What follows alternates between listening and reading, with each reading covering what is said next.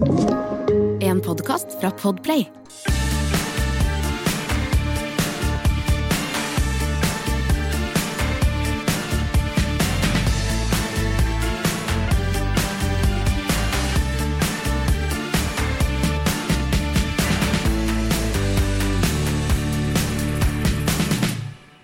Ja, kjære lytter, da er dere vitne til altså historisk et historisk øyeblikk i podkastsammenheng, i hvert fall for vårt vedkommende. Vi går direkte langkjøring med Geir Skau og Bo her, direkte Yes. inne fra Jernbanetorget. Og jeg har gåsehud så capsen sitter fast eh, på huet på meg. Ja, for det er vel eneste grunn til at den capsen sitter fast. For vi er jo bona som nye biljardkuler på huet, begge to.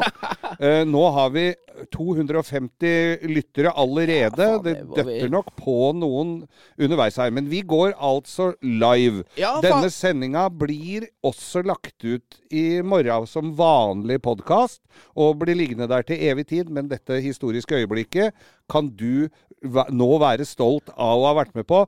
Det var ca. 300 000 mennesker som sa at de så Sex Pistols i, eh, i, eh, på, på, på, i Oslo for eh, ganske mange år sia.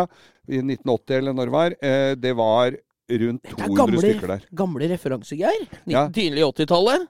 Tidlig 80-tallet. I Pingvin klubb i Oslo, der, var, der spilte Sex Pistols. Ja, Det ja. gikk to par hundre stykker, og så ble det gitt ut en bok om det. Og alle som jugde og sa de hadde vært på det greiene, hadde antageligvis ikke vært der. Jeg kjenner faktisk eh, noen som hadde vært der, men det var en av de som var bilde av i boka, som eh, forfatteren eh, traff seinere, som sa det at eh, Ja, for du var jo på den eh, Sex Pistols-greia i 1980.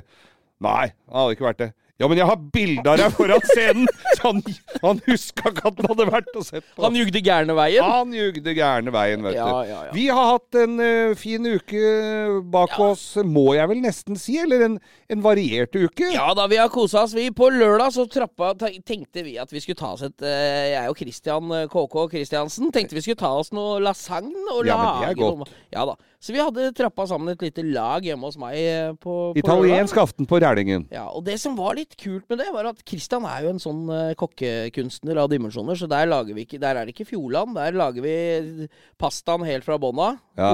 Ruller Så- ut sånne matter og sånn. ja, jeg ruller ut. Det ser ut som yogamatter som Ja. du lager strimler av. Nei da, så han skulle lage lasagne, og det som Vi balla blei jo en fire, fem, seks flasker vin, tror jeg, Det mens vi lagde maten der. Og da tror du ikke han Først var han jævla misfornøyd med meg, for jeg hadde jo satt ommen Jeg skulle forvarme ommen, og da satt jeg både på vifte og grill. Og det var visst ikke riktig når du skal lage lasagne, skjønte jeg. Nei, og seiler på 300 grader, eller? Ja, tre, full gass. Jeg må jo, det er sånn jeg får ommen, ommen varm nok til Ja, ja. Grandisen fortest mulig. Det er jo et, et, et, også et sparetiltak om dagen når strømmen ikke koster mer, så er jo det Fyre med komfyren. kjempesmart å fyre med komfyren. Nei da, så det som skjedde var at lasagnen ble svidd, den, og vi fikk ut den. Og han skulle jo bare da legge i hvitløksbagettene da, for å få noe krutt i dem. Ja. Og da greide jo han å tre bakepapiret, da, opp i det grillelementet. Det er vits med bakepapir på det der? Nei, jeg vet da faen. Jeg har aldri vært noe bakepapir i den ommen før. Jeg støvsuger den en gang i uka. Jeg. Det som nedfallsfrukten fra Grandisen. Så, så da greide han å tre Og det tok jo fyr, da, Geir! Ja! Så da, vi sto jo der, vi. Der var det jo Hellebergshaugen og jeg og et par andre som sto, og Sivert, som sto innpå der og så, så at han dansa en sånn Du vet den fortvila følelsen når du tar tak i det papiret, det brenner. Ja. Så tenker du at jeg skal være litt cool. Jeg, Så jeg kan, jeg, kan, jeg kan ikke få panikk. Så han liksom tenkte skal jeg bare legge det inn i ovnen igjen og lukke døra, så blir det kvert? Men det var en dårlig idé, for der har du vifte om. det blåser jo som Ja, sagt ja, ja. liv i Det har vi jo sett på skogbranner i California og i Australia, det. Ja, ja, ja. Så Hvordan der sto vi da som fire tilskuere til at han sto der og hadde en sånn regndans med den der brennende arket i hånda. Til slutt fikk han det i kummen, da. Og jeg tror jeg støvsuger aske enda, jeg, fra det. Men det var gøy. Det var veldig underholdende å se. Det morsomme var hvor lite vi egentlig brød oss om at han dansa regndans med flammer i hendene. Men du veit at eh, med fare for å toppe den historien, jeg har jo vært borti noe av det samme, det var på eh, TV Jeg var på TV sammen med Anne-Kat. Jeg ikke, husker ikke hvilken sammenheng det var. Men vi Du hadde skulle sikkert sideskill og briller, for du pleide å ha det når du var på TV sammen med Jo, men da Jeg, jeg tror dette var en mer moderat uh, versjon av meg. Men da skulle For hu, hun hadde tatt uh, en eller annen kokebok fra Eivind Hellstrøm oh, ja. og skulle prøve å lage det han hadde lagd, og hvordan det skulle, og skulle få det til å se ut omtrent sånn. Nå skal det jo også sies at Anne-Kat. har gitt ut bok, uh, og sammen med Hellstrøm også. Men, hun, og hun er ganske god til å lage mat. Men da skulle vi lage en dessert som het milleføy. Hadde aldri hørt om. Vi skjønte ikke det, skrev, det ble skrevet på en merkelig måte. Eh, vi skulle lage den derre kaka, eh, en desserten. Det var en sånn kake. og i et sånn TV-studio. Da tok det også nemlig fyr i det bakepapiret. Og det, da er det ikke bare for, og at Christian går ut med det brettet, for da kommer nemlig brannvakta og ui, ui, ui, ui, Og evakuering av NRK. Og det ble store revisjon på brannredskap Eller brann... Ja, fy faen, det er jo katastrofe. Ordentlig til helvete. og dette er bare den ene uka vi snakker om nå. Ja, nei, det har jo vært Vi har jo hatt borti mer. Vi har vært på fylla, vi. Har vi det òg? Ja, Ja, vi hadde en liten eh, skjenk her en dag. Men eh, jeg har jo også fått da eh, en, en liten melding på frontruta mi fra eh, det offentlige. Har du enda Hvor mange bøter har du dratt på deg nå siste halve året? Nå begynner det å bli gode strimler med sånne gule Ti, som en liten opplysning til folk i Oslo som eh, Eller folk som ikke har vært i Oslo på en stund. Fra 1. mars så er det nye satser på oh. og det å, å gjøre overtredelser i motor... eh, Få høre. Ja. Jeg har ikke fått fasiten ennå. Nei, altså, jeg parkerte med da denne lille strømfiaten min, som er eh, en snerten liten bybil. Eh, jeg følte vel at det var i forsvarlig avstand til fotgjengerfelt. Der var ikke øvrigheta like enig. Han med målebåndet var ikke enig med deg? Han med målebåndet var ikke edru. edru. Han var ikke edru. Det er, altså, men det er fem eh, Det er jo fem, eh, fem meter fem fra meter. fotgjengerfelt. Ja. Eh, jeg var nok noe nærmere enn det. Og regnestykket mitt her er egentlig ikke så gærent. Det koster 900 kroner. Er det gått opp 400 kroner, ja? Det var 600 for en stund siden. Da lønte det seg nesten. Nei, nei, Eh, 900 kroner hvis du står for nærme. Men jeg sto jo Jeg hadde jo litt avstand. Så jeg hadde altså Ja, eh, Trakk han fra det, da? Eller? jeg, jeg hadde 180 cm fra. Å ja. Ikke, ja, fra, fra femmeteren. Ja, ja, ok. Ja, ikke sant? Differansen, ja. Ja, det var, så det, var, så det, er, det er jo bare fem kroner per centimeter som jeg betalte da. Ja, ja, ja. Men hadde jeg stått helt oppå fotgjengerfeltet, så hadde det ikke vært mer enn 1 krone og 80 øre centimeteren. Så du kan, når du først skal parkere for dem, så kan du kline til? Da kan du stå oppå fotgjengerfeltet, for det er, da får du mer for penga, egentlig, da. Ja, ja, ja. Jeg føler, Det er litt sånn gigolo-aktig, er det ikke det? Fem Jo. kroner centimeter.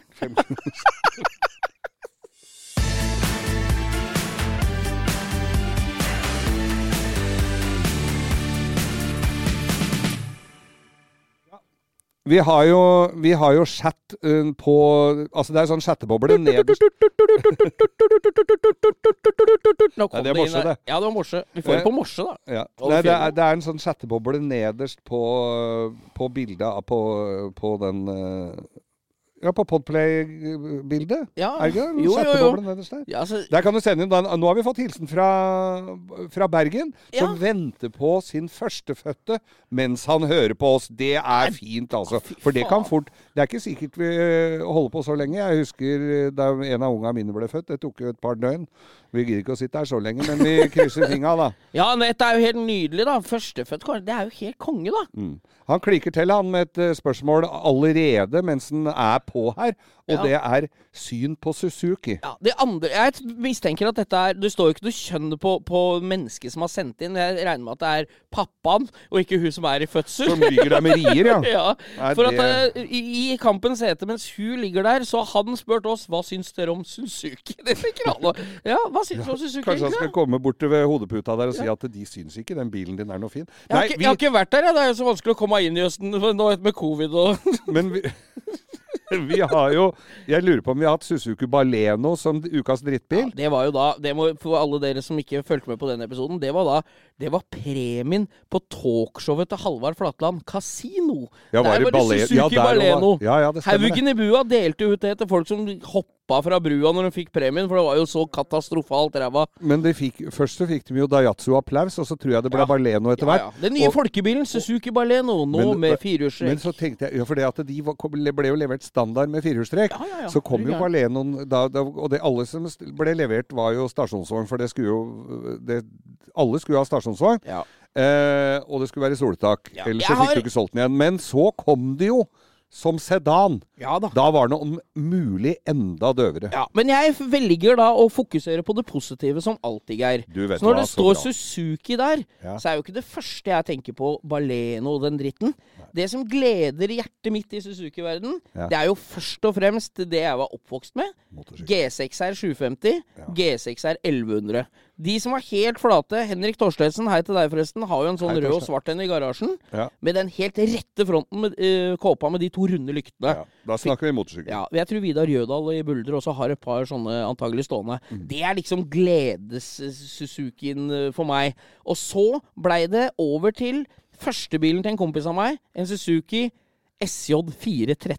Å, det er jeepen! Ja, den jeepen. Det, Det er var- som å sitte på en stubbe i skauen og kjøre. Det Ja. er kort og fint mellom aksla, og går heller ikke så fort. Og så tar det ikke mer enn eh, Hvis du har, er trent, og det er varmt i været, og du er god i ledda, så tar det ikke mer enn en god time å få på kallersen når det begynner å regne. Nei, nei, det Med den det der, er Du må tre kallersen inni front, den- toppen den- av frontruta. Og det må du gjøre først, Ja, før du begynner å dra det der over. Og det må du gjøre mens det er fint vær. Tilfelle det blir dårlig, for det tar så lang tid. Ja. Så det var vår uh... Suzuki, altså. Det er ja. klart det er mye, mye gromme motorsykler. Nå om dagen er det jo MotoGP. Det er jo Rins og gutta er jo, kjører jo Suzuki. Går jo som faen i MotoGP, jo. ja. Kjempegøy. ja, ja, ja. Men da fikk vi vel sagt sånn noen, i hvert fall spredd litt av hva vi, hva vi syns om Suzuki. Ja. Jeg kjørte forresten opp på en Suzuki 100. Gjorde det? Ja, jeg skulle kjøre opp på ER, eller? Nei, ja.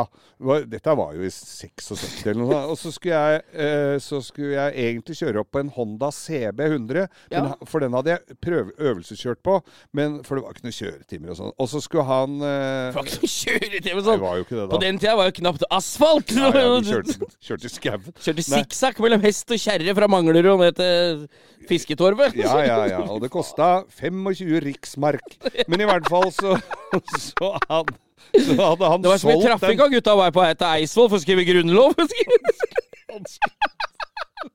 Han, han hadde solgt den Hondaen, så jeg måtte kjøre opp en Suzuki isteden. Solgte han skolesykkelen mellom- Solgte, skolesykkelen dagen før jeg skulle kjøre opp, så jeg fikk låne. Suzuki, fikk låne Suzukien til daggeren. Han hadde kalva dagen før, så girsalteren var en fem millimeter langt, og jeg bomgira og dreit meg ut. Fikk jeg lappen? Nei, jeg gjorde ikke Klart det. du ikke fikk lappen der. Takk skal du for det.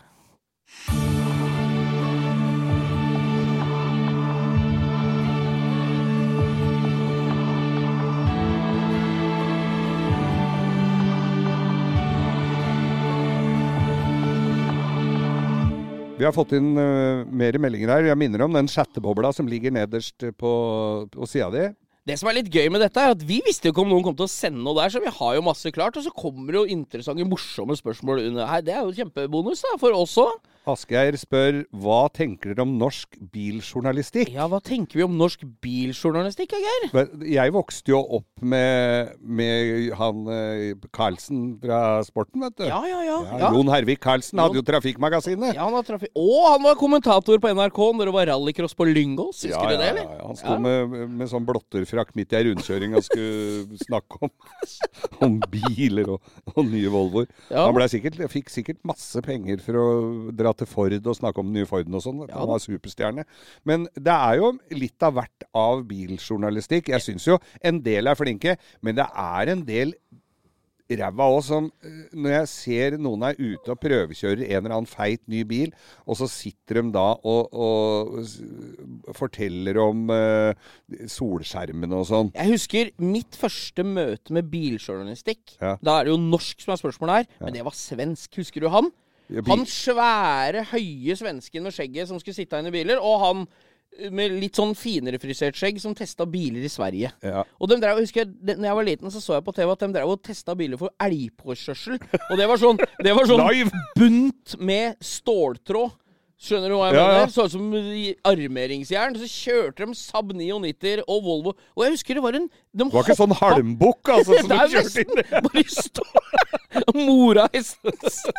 sånn dalehest. Men det var det jeg husker. Vi satt bil, jeg husker Biljournalen. Ja, Ja, og da satt vi og så på det, jeg og fatter'n, og da husker jeg den introen var at de hopper fra taket på Volvo-fabrikken med en 740.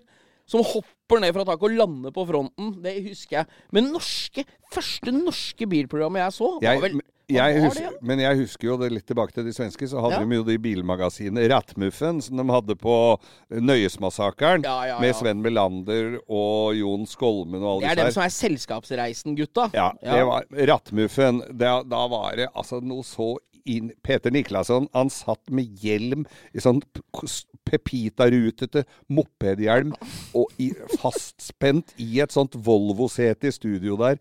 Og det, altså, det er noe av det morsomme Jeg skal se om jeg finner noe Jeg ja, opptak av det en gang som vi skal spille av her, for det var altså så jævlig moro. Eh, men mo ja, vi kommer jo ikke Skal vi se altså, jeg- vi har Norske om norske motorjournalister. ja. motorjournalister. Vi har ikke vært Noen er veldig flinke, noen er veldig, veldig ivrig i tjenesten. Vi har jo eh, Mats Bus, Bus, eh, eh, Brustad Ja, i, ja, ja. i Brum. Han er ihuga. Han Dem husker er jo på nå, men jeg tenker TV-program. Da har det jo vært Hva er det som har vært? Og vi kan oppsummere litt. Det har vært Autofil, var jo. Ja, men vært- altså Jan Erik Larsen han hadde noen brosjyrer på nattbordet som han lå og dro seg i løken etter, og hadde jo ikke greie på bil i det hele tatt. Nei, det er eh, vi, Den lar vi Kan vi ikke la den ligge? Okay, jeg, Og så var det jo Det jeg husker etter den, var ehm, Det var Autofil, og så var det jo Husker du Pimp My Ride? ja, norske Med versjon. Superen og Mona og hele gjengen oppe på Alnabru som drev og Det kunne vel knappast kalles journalistikk. Nei, det var underholdningsprogram. Det var fra bilrelatert. Og så var det jo da Top Gear nå i nyere tid. Ja. Med Fredrik og, og Petter Skjerven. Petter Skjerven Og og, dansken. og dansken, ja. Ja. Så det har jo vært noen forsøk opp gjennom åra. Jeg synes jo det har vært det jo for, Hvis du er skikkelig bilinteressert, så er jo alt som har med bil å gjøre på TV, gøy. Ja. Men, men jeg, jeg, vi savner jo ikke et ordentlig Top Gear-aktig suksess. Jeg sier ikke at det skal være Top Gear, men vi, vi har nok eh, bilkultur i Norge til å lage et ordentlig, skikkelig TV-program. Ja. Så jeg, hva jeg Da kan jeg svare for meg sjøl. Hva jeg syns om norsk biljournalistikk? Jeg syns det mangler 78% ja. Av Det- potensialet. Det, jeg syns det var eh, ganske oppsummert, jeg, Bo. Ja, jo, takk for det. Jeg er ganske reflektert type, jeg. Ja.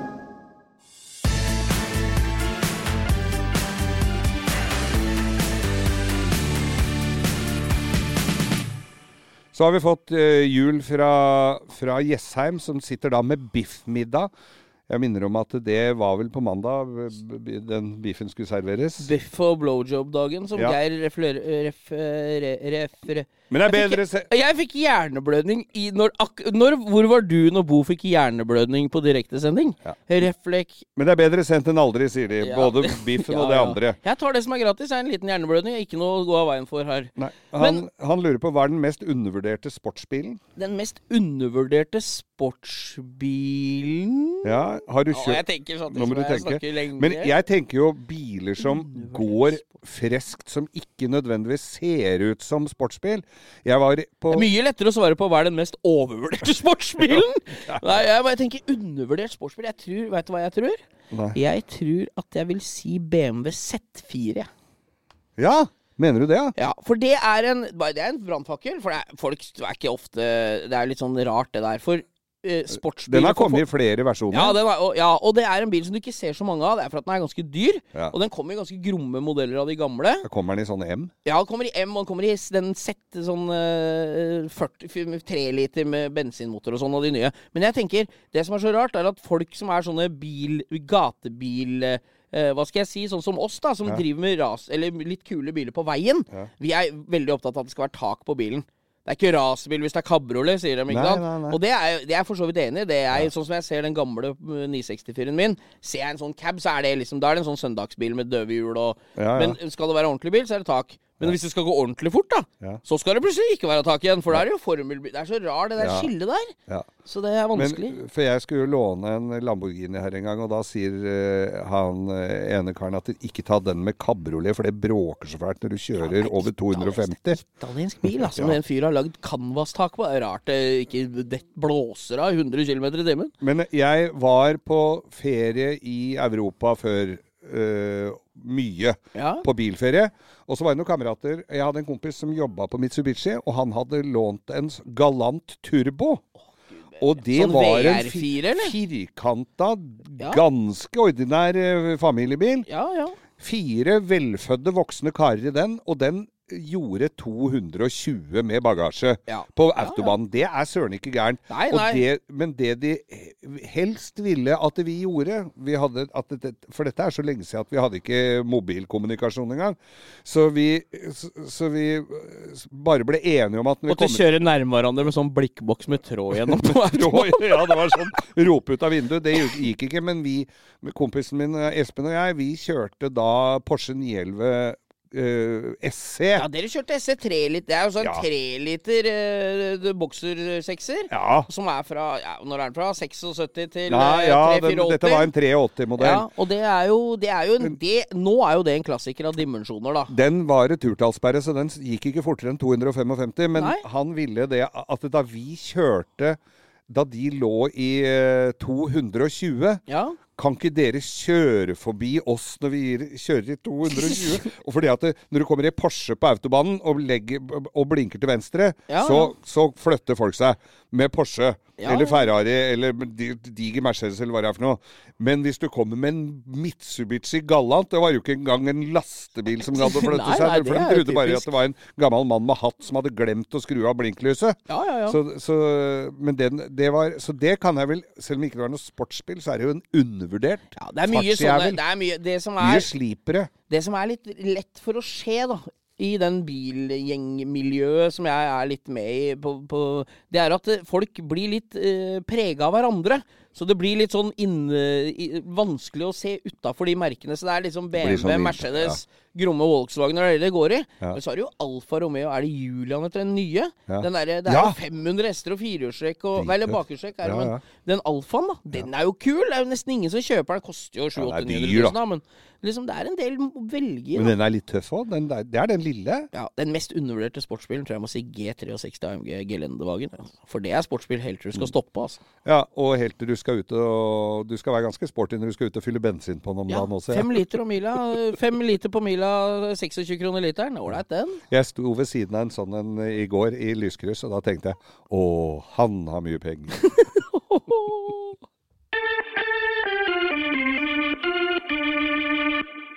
Vi har fått mer spørsmål her på chatten vår, vi, eh, Bo. Kan Ja. du se helt derfra? Ja, jeg ser helt derfra. Jeg ser skjermen. Jeg ser ikke hva det står på den, så du må lese, du som er yngst av Hvordan kan man eh, signalisere for bilen fremst i køen om at man ønsker at personen enten kjører i fartsgrensa eller kjører av dersom man ligger langt bak i rekka?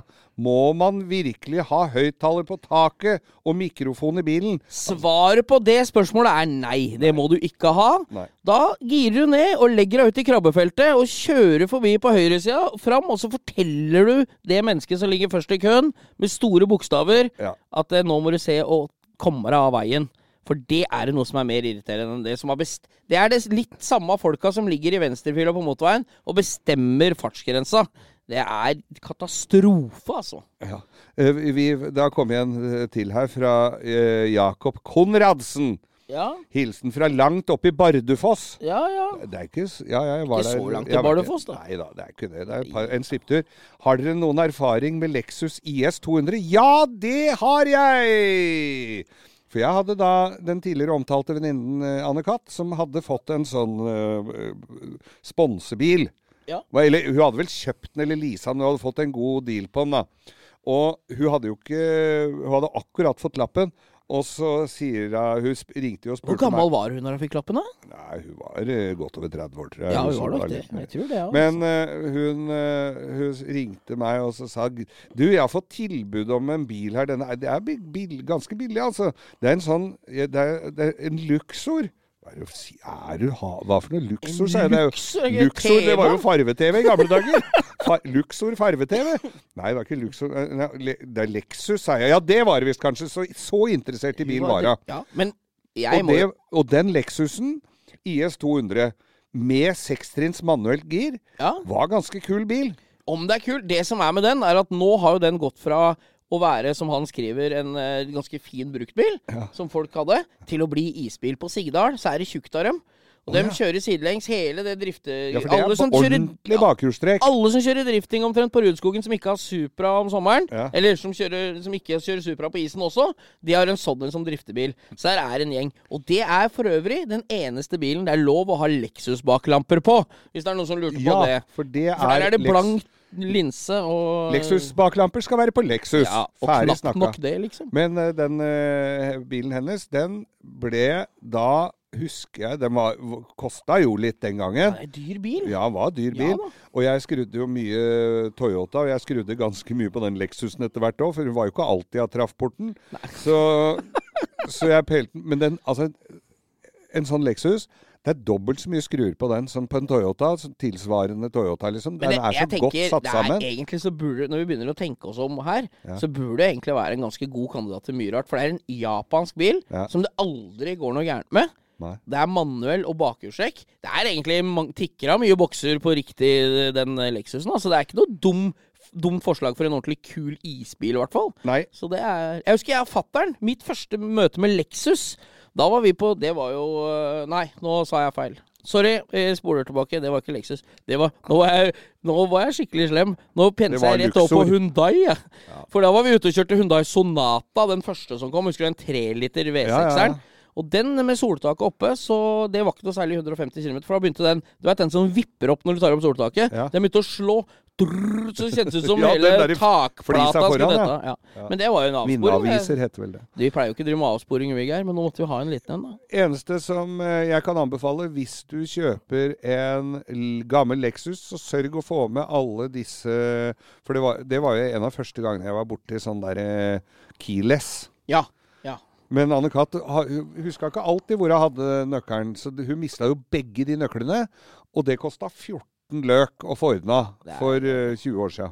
Fin Jeg jeg tror at vi kan oppsummere med at det må jo være en jævla fin vinterbil. Fin vinterbil.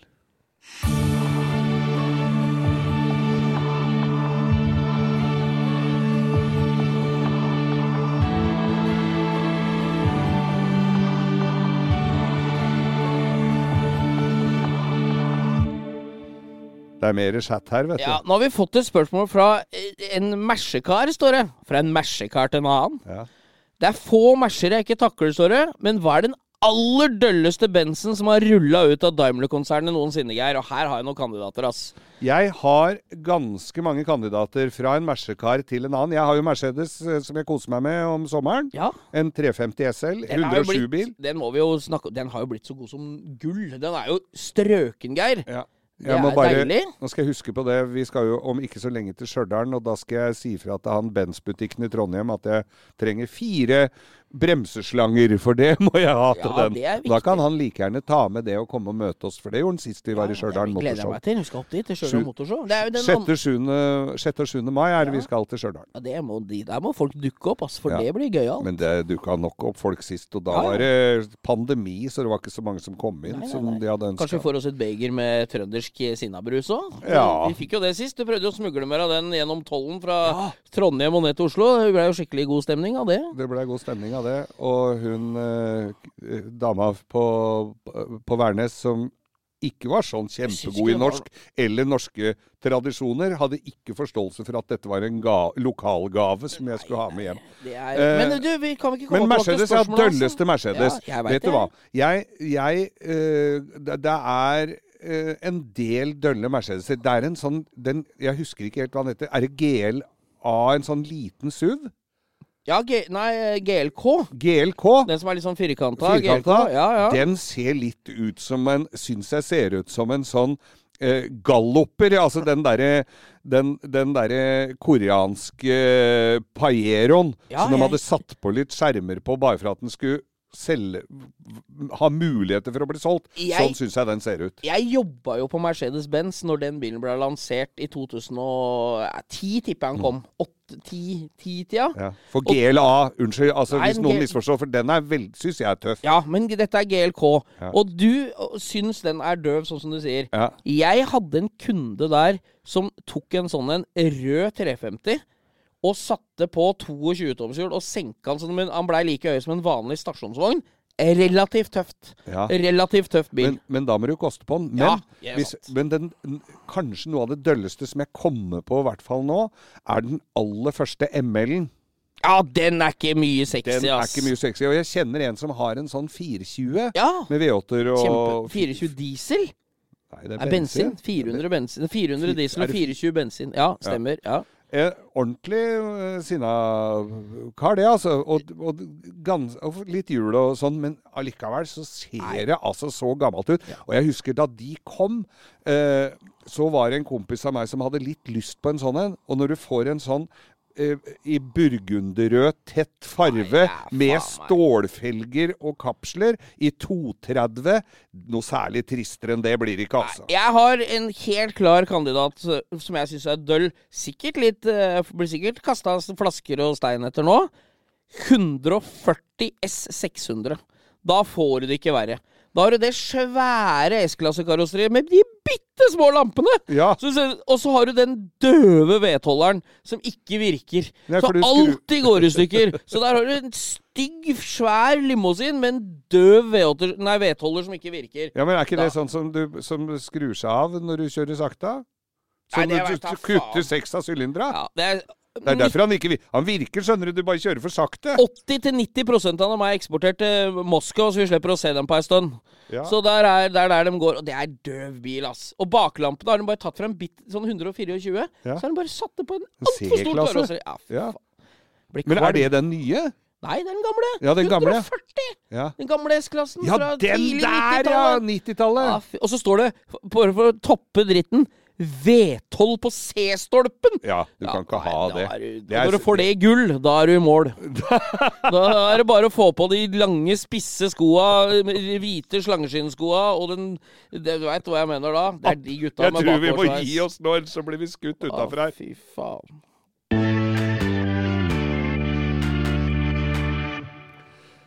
Ida fra Sandefjord hun lurer på om Geir har noe av sine hyss fra barndommen. Ja, nå setter jeg meg bare tilbake, alle sammen, vi- og, og, og dytter mikrofonen litt ifra, for nå skal jeg høre hyss fra barndommen. Ja, Altså, vi gjorde jo ikke annet enn faenskap. Eh, Det, var- det var jo det de Vi hadde jo ikke så mye å drive med. Men på Manglerud bad Det var valgfag på Manglerud, det faenskap! To timer hver mandag!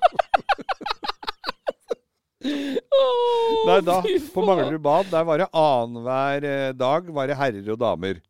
På Manglerud bad? Ja! Det var sånn, eh, så, fordi at det da, og da sto vi oppå gjerdet og så så på nakne damer på de dagene det var damer. Hadde de ikke på seg badetøy? Nei, det var jo bare damer innpå der! Det var jo kliss nakne. Jeg pleier å ha på meg tøy når jeg er i svømmehallen, selv om det er bare menn der. Ja. Men de damene vi så gjennom vinduet der, det var ikke akkurat sånne vi hadde sett i cocktail. Det skal jeg love deg. de hadde ikke svømt nok. Nei, for der, der, var det, der var det mye hud. Og mye kjøtt. Så, så det ble liksom ikke akkurat sånn eh, Der, der traff eh, virkeligheten oss midt i trynet, mildt sagt. Men så var det noen dager det Tror var du det har forma deg i, din voksne, i dine voksne eldre år, Geir? At du så det du så over gjerdet på Manglerud bad? Og så gikk det bare én opp på gjerdet om gangen, vet du. For det var sånn smal stolpe vi måtte stå på, se inn gjennom vinduet. Og så og da måtte vi stå Og, og da var det jo bare å stå på der. Det sto jo fire mann og venta på å komme opp, og, opp på stolpen. ikke sant? Hun sto og kikka her. Å, hun skulle dra sett gutter! Å, hun var lite fin! Og så kom hun opp. Å, faen, det er bare gammel kjerring. Ja, da har hun sikkert gått i bare- Jugde på dere snikedamer, for faen! og så var det dritfine damer. Men så var det jo annenhver dag så var det jo herrer der. Ja, ja, ja. Og uh, på vinteren så parker Det var jo kjøring du parker, Det var jo ikke sånn som måtte gå langt før. Da skulle nei, man nei. parkere rett utafor Sånn som det skal være, egentlig. Sånn det egentlig skal Ja, ja, være. ja. Eh, etter hvert så kom det rullestolrampe der, sånn at eh, Jeg skjønner ikke, egentlig ikke vitsen med det, for de kom jo bare inn i garderoben, for det var jo trapper ned til bassenget. Ja, den, skulle, den fikk jo beste plassen for kikking. Da. Ja, Hvis du satt i rullestol, kunne sitte i garderoben og kikke. Slapp å stå på gjerdet. Jeg tror ikke det var heis der engang. Men i hvert fall så, så, så stå, parkerte gubbene bilene utafor, da. Ja. Og gikk inn for å bade og ta badstue og gjøre seg lekre. Eh, de hadde bilene sine utafor. Det var 20 minus og sånn, ikke sant, på vintrene før. Ordentlig kaldt. Da fant vi ut at hvis vi pisser Faen, dette er så flaut. Vi pisser i dørlåsene i villa. Så Pisse på dørlåsen. Ja, for da var det, på den tida var det ikke noe fjernkontroll. Måtte du stikke inn Da måtte du stikke nøkkelen! Og når, når du kom bort Og hva var det vanligste man gjorde før når låsen var frosset? Da er det bare å sette kjeften helt borti døra, og så blåse inn! For da tina det. Og når, du, når vi satt oppi skauen og så de der gubbene som, som, eh, som Sto og tredde truten inn på Truten inn på miget der, og så, og så Helt konge, ass. Fy fader. Dette minner meg om Jackass med Yellow Snow Cone. Men vi, altså, det var, dette, det var, dette her var ikke jeg med på, altså, men det var noen Nei, andre det som- der- det jo, var det det, famous- det der var jeg med på. Ja. Men det var en annen en, skjønner du. Det var det var jo politistasjonen på Manglerud, og så var det Volvo 240 som politibil. Ja, ja. Med, med dørhåndtak med undergrep, ikke sant? Ja, ja, så så sånn som på 140 og 240 var det jo det. Der, der, og så var det telefonkiosk rett bortafor. Så der lå, tok gutta og dreit i et papir og klinte oppunder dørhåndtaka på politibilen. Og så gikk de bort i, i, i, i telefonkiosken og ringte og sa at nå er det masse ungdommer og husbråk her, og politiet kom løpende ut og tredde fingra opp i ruka. Rett opp i Nugattien! Det var så trist. Det var så trist. Nei, så det, vi hadde, ja da, vi hadde valgfag i uh, faenskap. Ja. Og jeg tror alle fikk sekser.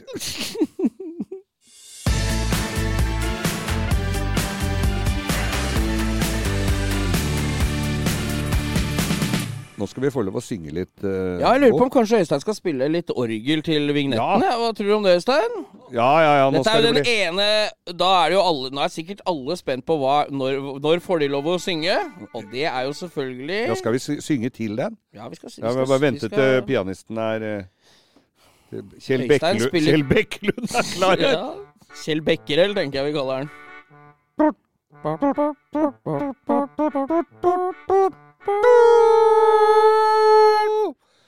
Ukas drittbil!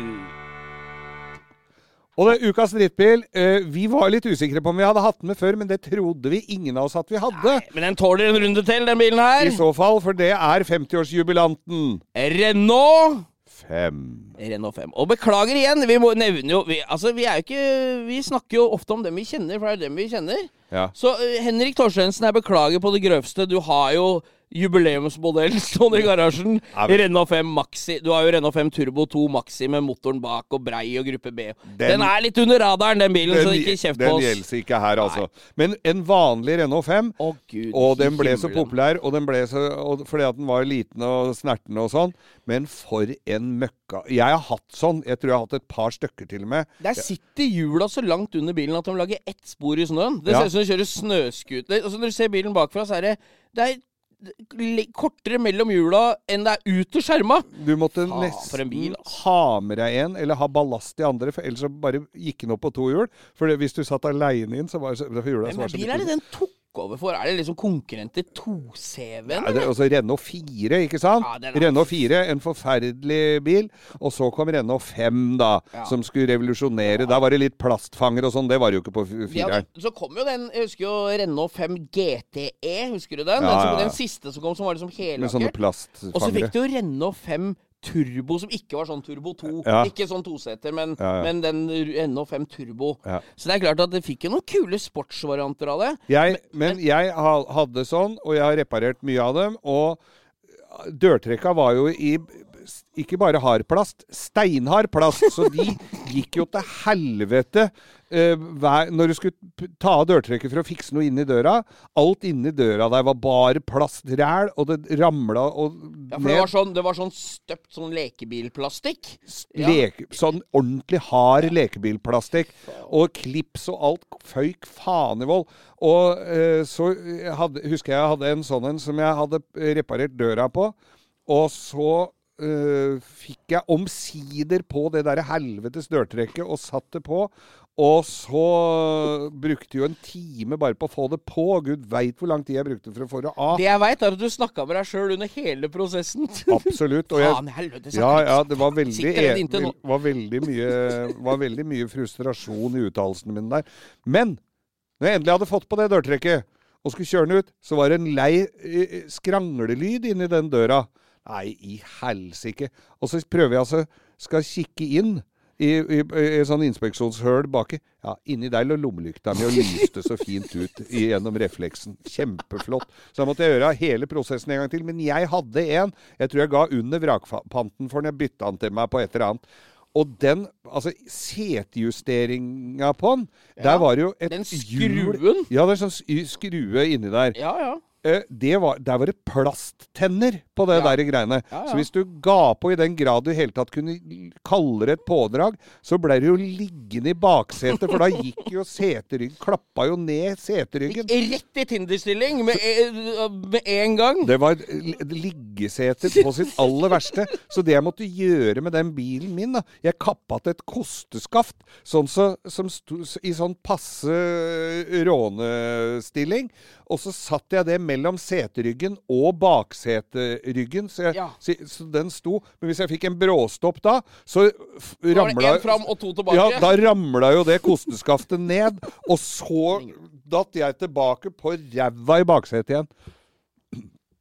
Ja. Ja, så, så, så re, altså eh, Renault 5 Kanskje noe av det verste som fins, og at den, frem, altså at den er de som har rekke å blitt 50 år ja, Men den, men den første generasjon eh, Renault 5, den som var lakkert karosseri, men som hadde plastfangere Ja, Med sånn, uh, Hvis du får sånn hvitløksventil, sånn, eh, du vet, sånn uh, takluke i sånn som du vipper opp bare bakan. ja, ja. Gule, gule reflektorer i frontlampene. For franskmennene hadde jo enten gule reflektorer på de franske bilene, Eller så hadde de gul hette på pæra. ja, ja eller gule ja, Du fikk hele gule pærer òg?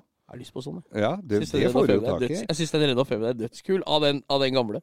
Sikkert en skikkelig drittbil. Du får bytte dørtrekk, men en sånn Renault som ikke var rusten Det fantes én verre.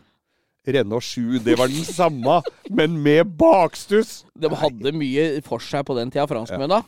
Vel, litt lite. Så altså Ukas drittbil Renault 5.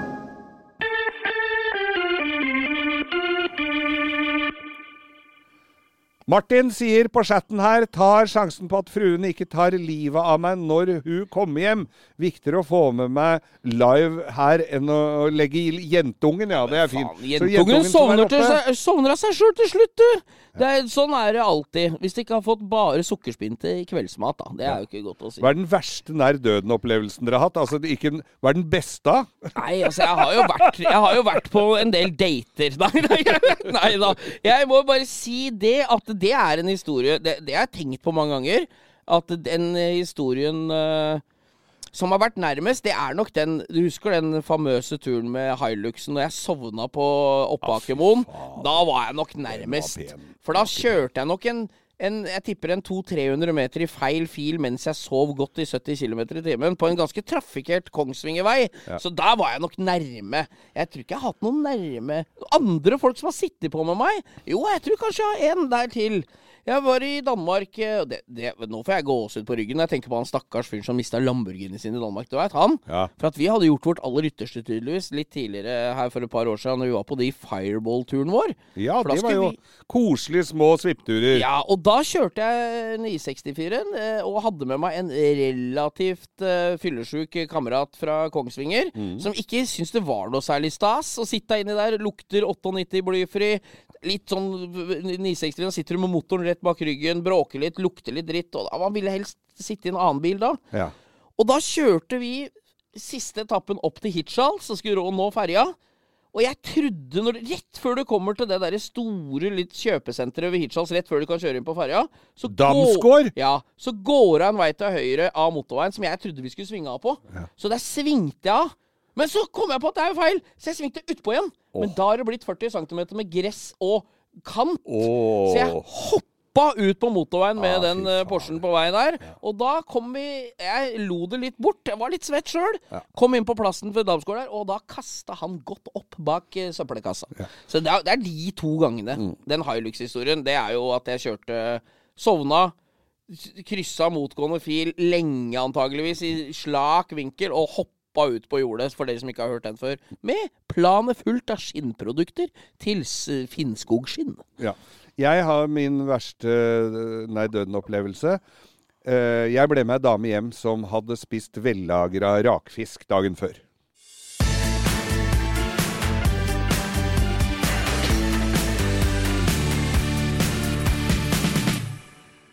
Hvilken personbil Det er Kim fra Jessheim som spør hvilken personbil er den beste å ha seg i. Det er uh, lenge siden jeg drev med det. Altså. det. Det står hvilken personbil er best å få seg en beta i, står det. Da Ja. tenker jeg umiddelbart på, på Starcraft Van.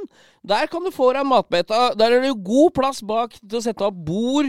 Og du kan ta, ta deg en beta bort på Mækkern, f.eks. Ja, eller kan ha med matboks òg. Ja, ja, Og, og det, i den Starkraften så er det jo også da strømuttak. Eh, og hvor du kan ha med deg en kjøleboks, så du kan jo ha kaldt drikke. Og kanskje ost, hvis du har med ost og skinke og ting som ikke skal ligge i solen, så får du jo en Og hvis, en jeg, god beta. og hvis det var en Starcraft, Ja. så hadde du bumerangantenne på taket. ja. 14-toms farve, tjukk-TV, farve-TV. Og integrert støvsuger som satt i laderen ved sida. Og veit du hva som uh, Hvis du skal ha deg en beta etter å ha hatt deg en beta, så er det elektriske bakseter. Så du kan bare legge helt det som en seng bak. Sier det, så vips så er det. Og det tok litt tid, så hun rakk å ta seg en tur på gelenderet først. Ja, ja, ja. Ja. Nei, jeg mener det er jo overlegen beste bilen å få seg en beta i. En Starcraft van, Chevrolet G30 van. Altså. Det er ikke noe tema engang. Jeg har i sin tid uh, hatt uh, Ikke akkurat gleden av, men Jeg har i min tid hatt meg i bilen, jeg sier. Ja, ja, ja, men det er jo ikke noe kaste Det, det, stemmer jo. Men, eh, men i Triumph Herald Oi! Det var som å spille trekkbasun i telefonkiosk.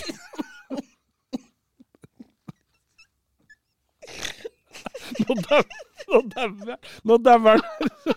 Og, og det som var jævla moro med det, det, det som var moro med, med den, den der, den der herhallen, var jo at eh, du måtte vippe opp forsetene. Men det jo, var jo sånne he, det var jo ikke, du vippa jo ikke opp ryggen, du vippa opp hele setet. I det der, som, du vippa den opp, og så når du fikk da ræva Når du gikk ræva mot, mot det setet som da var ankra bare med to bolter foran, som var sånn faen, altså. altså. Så mye jeg har lyst til å se for meg at du har deg en Trump Farrell, Geir, så har jeg enda mer lyst til å se at du spiller trekkbasun i en telefonkiosk. Ja, Ja, ja. To anbefalinger. Én for og én imot. Er det, hvem av de bilene vil du helst ha Bare for å legge til dilemmaet her. Hvem av de bilene ville du helst hatt hvis du skulle på ferietur til Alpene? Triumph Farrell eller, eller G30 Starcraft Van? G30 Starcraft-van, for der er det farve-TV.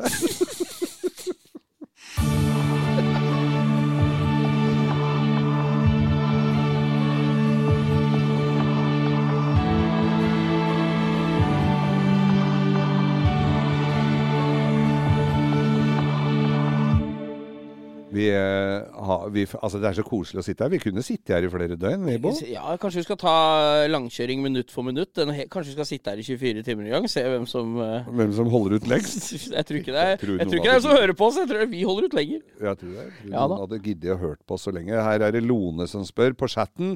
Det er fra, altså, til sent ankomne så er det muligheter. Det er et lite, en sånn chatteboble nederst på, på podplayeren, og der eh, kan du legge inn meldinga di. Det som skjer nå, er jo at vi får jo ikke med oss noe av det vi, de tre tinga vi har planlagt sjøl. Det er bare hyggelig det at dere Ja. kommer med spørsmål. Vi bruker tid Vi prioriterer jo dere ikke de døve tinga vi kommer på sjøl. Så dette er jo helt nydelig, det. Ja, for det vi kommer på sjøl er ikke så veldig interessant. Men Lone, du spør åssen hybridbil anbefaler dere til en førstegangskjøper? Og leder gjerne meg tilbake og ta meg et glass vann, for det har jeg- ikke. Nei, for jeg var jo da på Er ikke alle biler hybrider, da? Nei, ikke alle. Ikke everyone. Ikke alle. Men jeg anbefaler Ferrari SF90 Stradale. For det er den første serieproduserte hybridbilen fra Ferrari. Og jeg var på Billingstadsletta eh, forrige lørdag på lanseringa og fikk se den bilen. Så det, jeg det kommer litt an på åssen budsjett du har. Men den Ferrarien anbefaler jeg anbefaler den Ferrarien hvis du har fritt budsjett. Nei, jeg Mm. Og førstegangskjøper òg, så er det jo ikke noe vits i For altså, vi, vi Da vi hadde våre første biler, de var jo ikke akkurat så veldig fine. Nei, nei. Og det var jo også et budsjett på det. Min kosta 1500 kroner. Ja. Uh, og den var ikke verdt noe særlig mer heller, men, uh, men uh, hvis du kjøper en sånn Ferrari, da, og du tar godt vare på den, ja, da har du en god bil lenge. I mange år. I Nei, jeg år. tenker at umiddelbart Jeg har ikke orka å sette meg så mye inn i hybridverden. Men skal jeg gi deg et stalltips? Kjøp en bil som kommer eh, som andre tredjegenerasjons hybridbil. Ta, ikke Ja. kjøp en som er den Som første varianten. nei. Ta en som har vært en god stund, Ja. og så google litt eiekostnader og hva som er feil. Og så ta en Google-runde.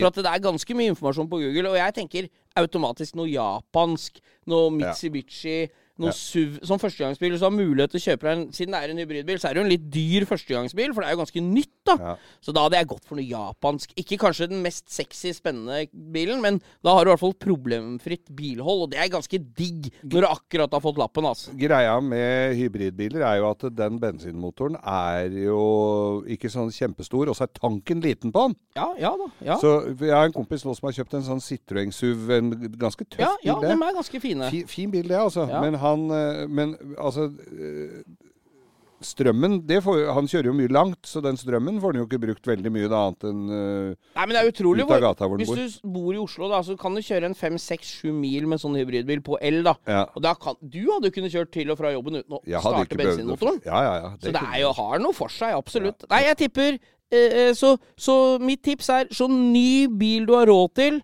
fra en produsent som har gitt ut en to-tre hybridbiler fra før. Ja. Men da sier jeg som Odd Børresen Og skal du med det?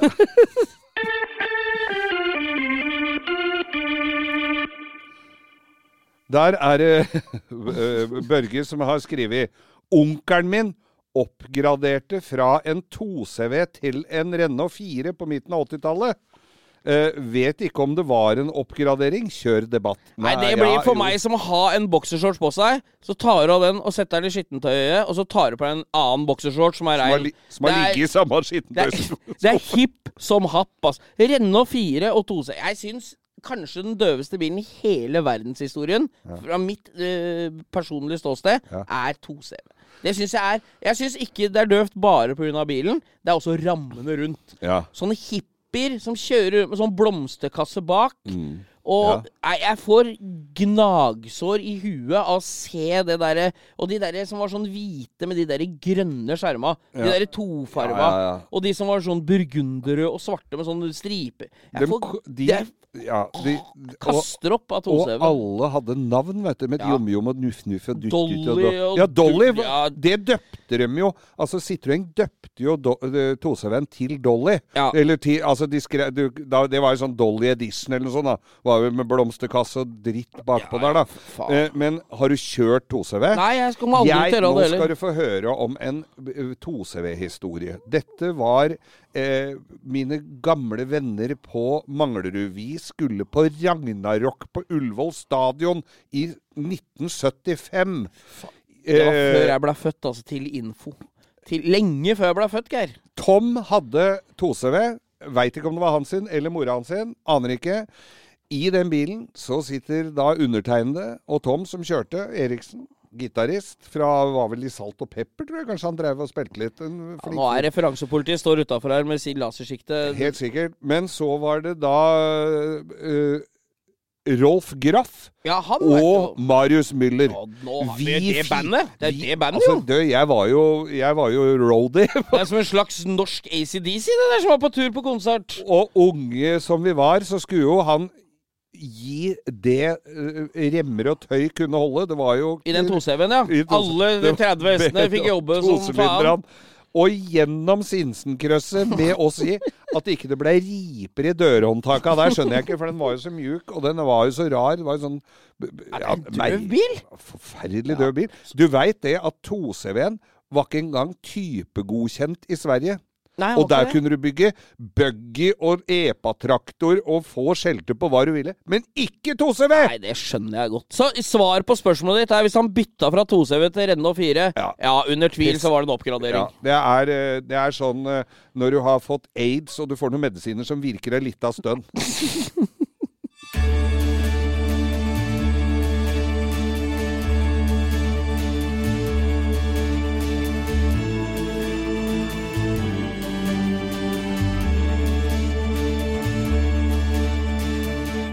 Så Det der er Lisbeth som lurer på gamle historier fra verkstedhistorier. Det, det, det kan være mutter'n.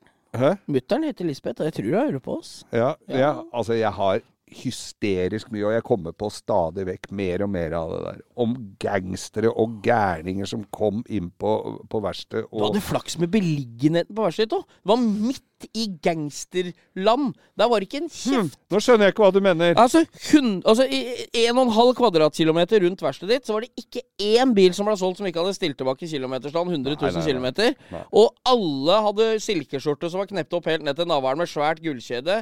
Gull, altså two-tone eh, gull og blå Rolex. Og bakoversveis og brylkrem. Faen, det var tider. Og lange, spisse sko. Det var helt det, det var jo på en tid hvor biler som hadde gått over 100 000, ikke var verdt noe lenger. For det, det var liksom en sånn magisk grense. Men da var det flaks at alle hadde gått 95. 100 000 km, det var jo veldig langt. Og så var det en tulling som jobba på verkstedet hos oss, vi hadde vært i Tyskland og henta en ganske fin 123 stasjonsvogn som hadde gått 120 000, og hvor sjefen sier kan ikke du vippe den tilbake til, til, til tidligere omtalte 92 000. Eh, og det gjorde han, og så kom det en fyr og skulle se på den, og syntes bilen var veldig fin. og og sånn, Han prøvde den og sa han at det, det er sannelig ikke mye slitasje på den å ha gått 920 000. Han hadde, han hadde vippa den fram til nesten en million. Men det, Men vi, altså jeg, vi hadde kunder på, på verkstedet, og jeg Hadde du kunder der òg? Jeg tror det var bare du og, og fast- Freddy som Og det var egentlig der. veldig rart, for jeg kan ikke huske at jeg bulka så ofte, men det kom kunder som bulka flere ganger i året og kom og reparerte bilene sine. Og vi hadde en kunde, han hadde en Granada 2,8 Gia stasjonsvogn. Ja, det var en ganske frisk bil. Ja. Fin og tung, fin bil som gikk noe inn i granskauen. Og han var litt sånn fu, altså sånn fugletittertype. Sånn døv type, ikke sant? Sånn, sånn, sånn du, Ah, unnskyld til alle dere fugletittere som hører på. Jeg veit at det er mange av dere. De er ute og hører på, Ja. titter på fuglene nå, Ja, ja. med kikker lasersikte. Men uh, i hvert fall så kommer han fyren med den eh, Han prata sånn, det var, jeg tror han var sør, fra Sørlandet. Og så prata han sånn, og så hadde vi uh, reparert denne fra n-te gang. Skifta dør eller et eller annet. Og så kommer han inn og reparerte. Drar, gjør opp for seg og drar av gårde. Og så spør vi da Nei, så kommer han tilbake igjen og klager. Det, var, det forekom jo. Så sa han det at det er noe sånn sus Det er noe sus i døra mi. Sånn, det, var sånn, det suste i døra hans. Eh, ja ja, men det Vi får prøve å justere på. Så jeg tok en tur med den bilen. Jeg hørte jo ikke noe suselyd. Så kom jeg tilbake, og så sa jeg jeg hører ikke noe. Så jo, det er oppi her i rammen her sånn. Når jeg passerer 170 km, så suser det. Så f- han derre fugletitteren med slagstøvler og bøttehatt så liksom uh, 170 Så måtte jeg jo si dette. Med 170 km i timen, det, er, det, det, det er jo ikke lov å kjøre så fort, sa jeg til ham. Liksom for å prøve å parere. Og så sier han jeg har sittet i fengsel for å ha kjørt for fort. Men så, så var det en annen Så var det en annen fyr. Og så var det en annen det var, det var en annen fyr, skjønner du. Du skal ikke skue hunden på hårene. men da, da, for Granada Det var, gikk jo mye Ford den gangen. Og så var det en fyr som kom inn med en Ford Taunus som hadde fått seg en real smell i, i ræva på bilen. En vanlig mann som kom inn og skulle ha reparert bilen sin. Og så eh, har jo låsen og alt gått til helvete, så vi må jo Ja, ja Han leverer nøkla sine, og vi skal reparere bilen og ha det bra og sånn. Vanlig fyr. Vanlig kunde. Og så får vi omsider bryte opp det der koffertlokket, da. Og det var jo alltid spennende. Det var, liksom, vi måtte rydde ut litt av bak der. Vi skulle dra ut bånd kanskje, og rette bakplater og demontere baklys og sånn. Og ba, bak i den bilen så lå det da et foto må, Hvis det er noen barn som hører på det. Da skal du gå, bare gå og legge dere nå. bare, jeg vil se på kanskje NRK Super bare et lite øyeblikk, men han hadde altså da Baki den bilen så, så lå det da et fotoalbum, og så lå det et sånt lite etui. Så ble vi nysgjerrige om det var verdt Det var ikke verktøy. For det var altså en sånn gummisvulk av en annen verden. En sånn skikkelig dildo. Et. Og, så, og i det albumet så var det bilde av han gubben i dameundertøy med den dildoen i rumpa. Fy faen, han kom for å hente bilen når den var ferdig. Var- var- Vi hadde retta av bilen, var ingen som ville snakke med den. Dere hadde retta bil til Rune Rudberg. Det er jo helt nydelig. Å, fy faen. Visste ikke at han kjørte Taunus. Du har går kjørt ting- shortcar. Så husk på det, hvis du har, leverer bilen og har noe kompromitterende ting i bilen, så ta det ut før du leverer. Å, fy faen. Å, fa- Du, det er jo en stor dag i dag, eh, Bo. Det er Ja. ikke bare St. Patrick's Day i Irland, det er jo også Ja, det er jo Jeg må jo bare si det, jeg er jo ganske langt over snittet interessert i motorsport i dette landet, holdt jeg på å si. Og det er fint du holder meg oppdatert hele tida. Ja, altså. og da må jeg bare rette en stor takk til eh, Holdt jeg på å si gratulasjon til Dennis Hauger. Vår alles Dennis som skal kjøre Formel 2 i helga. Debutere i Formel 2. Ja. Som skal kjøre da oppvarmingsløp sammen med Formel 1. Altså, det er stort for Det et Det er så motorsporthjerte, stort, altså. det. Og jeg han syns jo jeg har fyller 19 år i dag! 19 år! Jeg syns jeg har hørt om Dennis Hauge så lenge. Ja, Men ikke så altså, veldig lenge tenk, nei da, det er ikke så lenge i det hele tatt. Tenk deg det. Tenk deg det, det motorlivet han har foran seg. ja. Nei, jeg bare Nå Jeg angrer jeg litt meg. på at jeg er så gammel. Ja, jeg gleder meg. Det er jo trening i Formel 1 eh, på, eh, via, eh, via Play på fredag. Det er trening og kvalifisering på lørdag og løp på søndag. Jeg skal ikke gå ut av sofaen. Jeg skal ha med alt sammen. Gratulerer med dagen, Dennis. 19 år. Gratulerer med dagen. Hele landet heier på deg i helga. Det blir kjempegøy. Men får vi se det at han kjører den der eh, Formel 2-greiene først? Ja, jeg er du gæren via Play. Bare faen, det er jo kjempeviktig å følge med og støtte opp under. Norske er nesten- sponsorer, og det er jo Det er viktig. nesten så jeg får bare lyst til å se på det og drite i Det er det. nesten jeg får dårlig samvittighet fordi jeg drikker Monster. vet du. Han kjører for Red Bull. Ja, men det kan du endre på. Ja, Så- det er sant. Han er så ung, så han har vel ikke lov til å drikke Ja, nå har han vel lov til å drikke å drikke da. Ja, det er 18-årsgrense på Red Bull. Ja, nei, det er, eh, det er eh, veldig, veldig bra at vi har en, en så bra fyr. Også han er bra fyr òg, vet du. Ja, ja, det er Og helt det er, nydelig. det er ikke en breial uh, drittunge. gleder meg som en liten tass til julaften. Ja, du er en liten tass, og det er snart julaften. Ja, det er sant. Du, vi er jo Vi, vi har kommet til veis ende. Vi står folk og kaver armene her, og, Og vi hjem. Så det, er- jeg tenker Jeg har lyst til Det er jo litt sånn spesielt for oss. Dette er jo første livesendinga vi har. Ja. Jeg vil jo takke for all engasjement. Det er jo over all forventning. Det har rast inn spørsmål. Det er jo ikke halvparten engang av det vi egentlig hadde bestemt oss for å snakke om. Nei. Det har vi jo ikke kommet til. Nei, vi Masse skal fine spørsmål. Men- Kult at folk engasjerer seg. Vet du hva som er fint med det? Nei? Da har vi noe å snakke om neste uke òg, for Ja. da er vi tilbake på vanlig vis. Ja, det, blir, det er ikke sånn at vi samler opp. Jeg jeg har så mye nytt neste uke, så dette blir bare borte. Det vi Ja, egentlig ja, skulle snakke om i dag. Ja, det, blir, det forsvinner. Det, det, det renner ut i sanden. Men det er eh, 300-400 stykker som har sittet og hørt på oss, eh, Ja. sånn det ser ut som eh, nå i hvert fall. Ja. Eh, og så blir jo denne her, hvis du vil spre det gode budskapet, så blir den jo lagt ut på Podplay, og, så du kan høre den på normalt vis. Kommer som vanlig episode i morgen tidlig. Jeg skriver en, eh, en, eh, en påminnelse i morgen ja. tidlig og deler den ut. Et lite på- synopsis. Ja da. Ja. Og så syns jeg det hadde vært gøy, jeg for min del, altså, som styrer den Instagramen vår, om dere, dere som har hørt på, kan godt sende meg en melding på Instagram med en liten sånn tilbakemelding om hva dere syns om dette her, og vær blodig eh, Ja, vær alvorlig. Og Vi tar det til etterretning, men vi tar det ikke så tungt. Så det er egentlig bare det å legge inn det dere syns om dette. Ja, og det er alltid hyggelig å ha litt kontakt, og vi klarer jo å i hvert fall gi et svar. Om det er det korrekte svaret vi gir, ja, se det. Det er det Det bare vi som bestemmer. Ja, det er det vi som bestemmer. Vi takker eh, Øystein Weibel helt fra Moss, som har vært eh, vår tekniske ledsager her. Ja, ja. Og ikke minst Even, som sitter utafor her og har eh, vært med oss hele kvelden. Det er nydelig. Det var noe nytt og kjempegøy. Dette er dødskult. Mm. Og så kan dere høre på Morgenklubben med Loven og Co. i morgen tidlig, for da er jeg på plass igjen der før klokka seks seks. skal jeg sikkert gå hjem. Du kan bare gå bort og legge deg i studio, du. Jeg legger meg bare bort i studio. Ja, ja. ja. Nydelig, nydelig. Jeg logger meg på. Og så følg oss på Instagram, da. Langkjøring Ja. med Geir Skau? Er ikke dere Jeg er litt så tom, jeg. Da. Jeg blir så rørt. Jeg syns det var kult. Fy faen, folk tar, setter av time på torsdag kveld til å høre på oss Ja. live. Synes er, det syns jeg er mektig imponerende. Og nå skal vi sette oss ned og så lese alle meldingene vi har fått. Ja, ja. Og så sender vi takkekort. Eller du må skrive takkekort da, og så sende til dem ja, ja. i posten. Nei, det er Eller reise rundt mange. med. Nei, jeg vet, jeg vi- vet ikke hva mer vi skal si. her. Vi takker for oss, og Tusen så takk for at høres dere vi hørte neste på oss. uke. Takk Så for at dere hørte på oss. Ha det.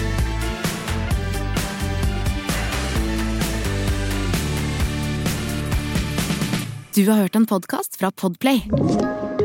En enklere måte å høre podkast på. Last ned appen Podplay, eller se podplay.no.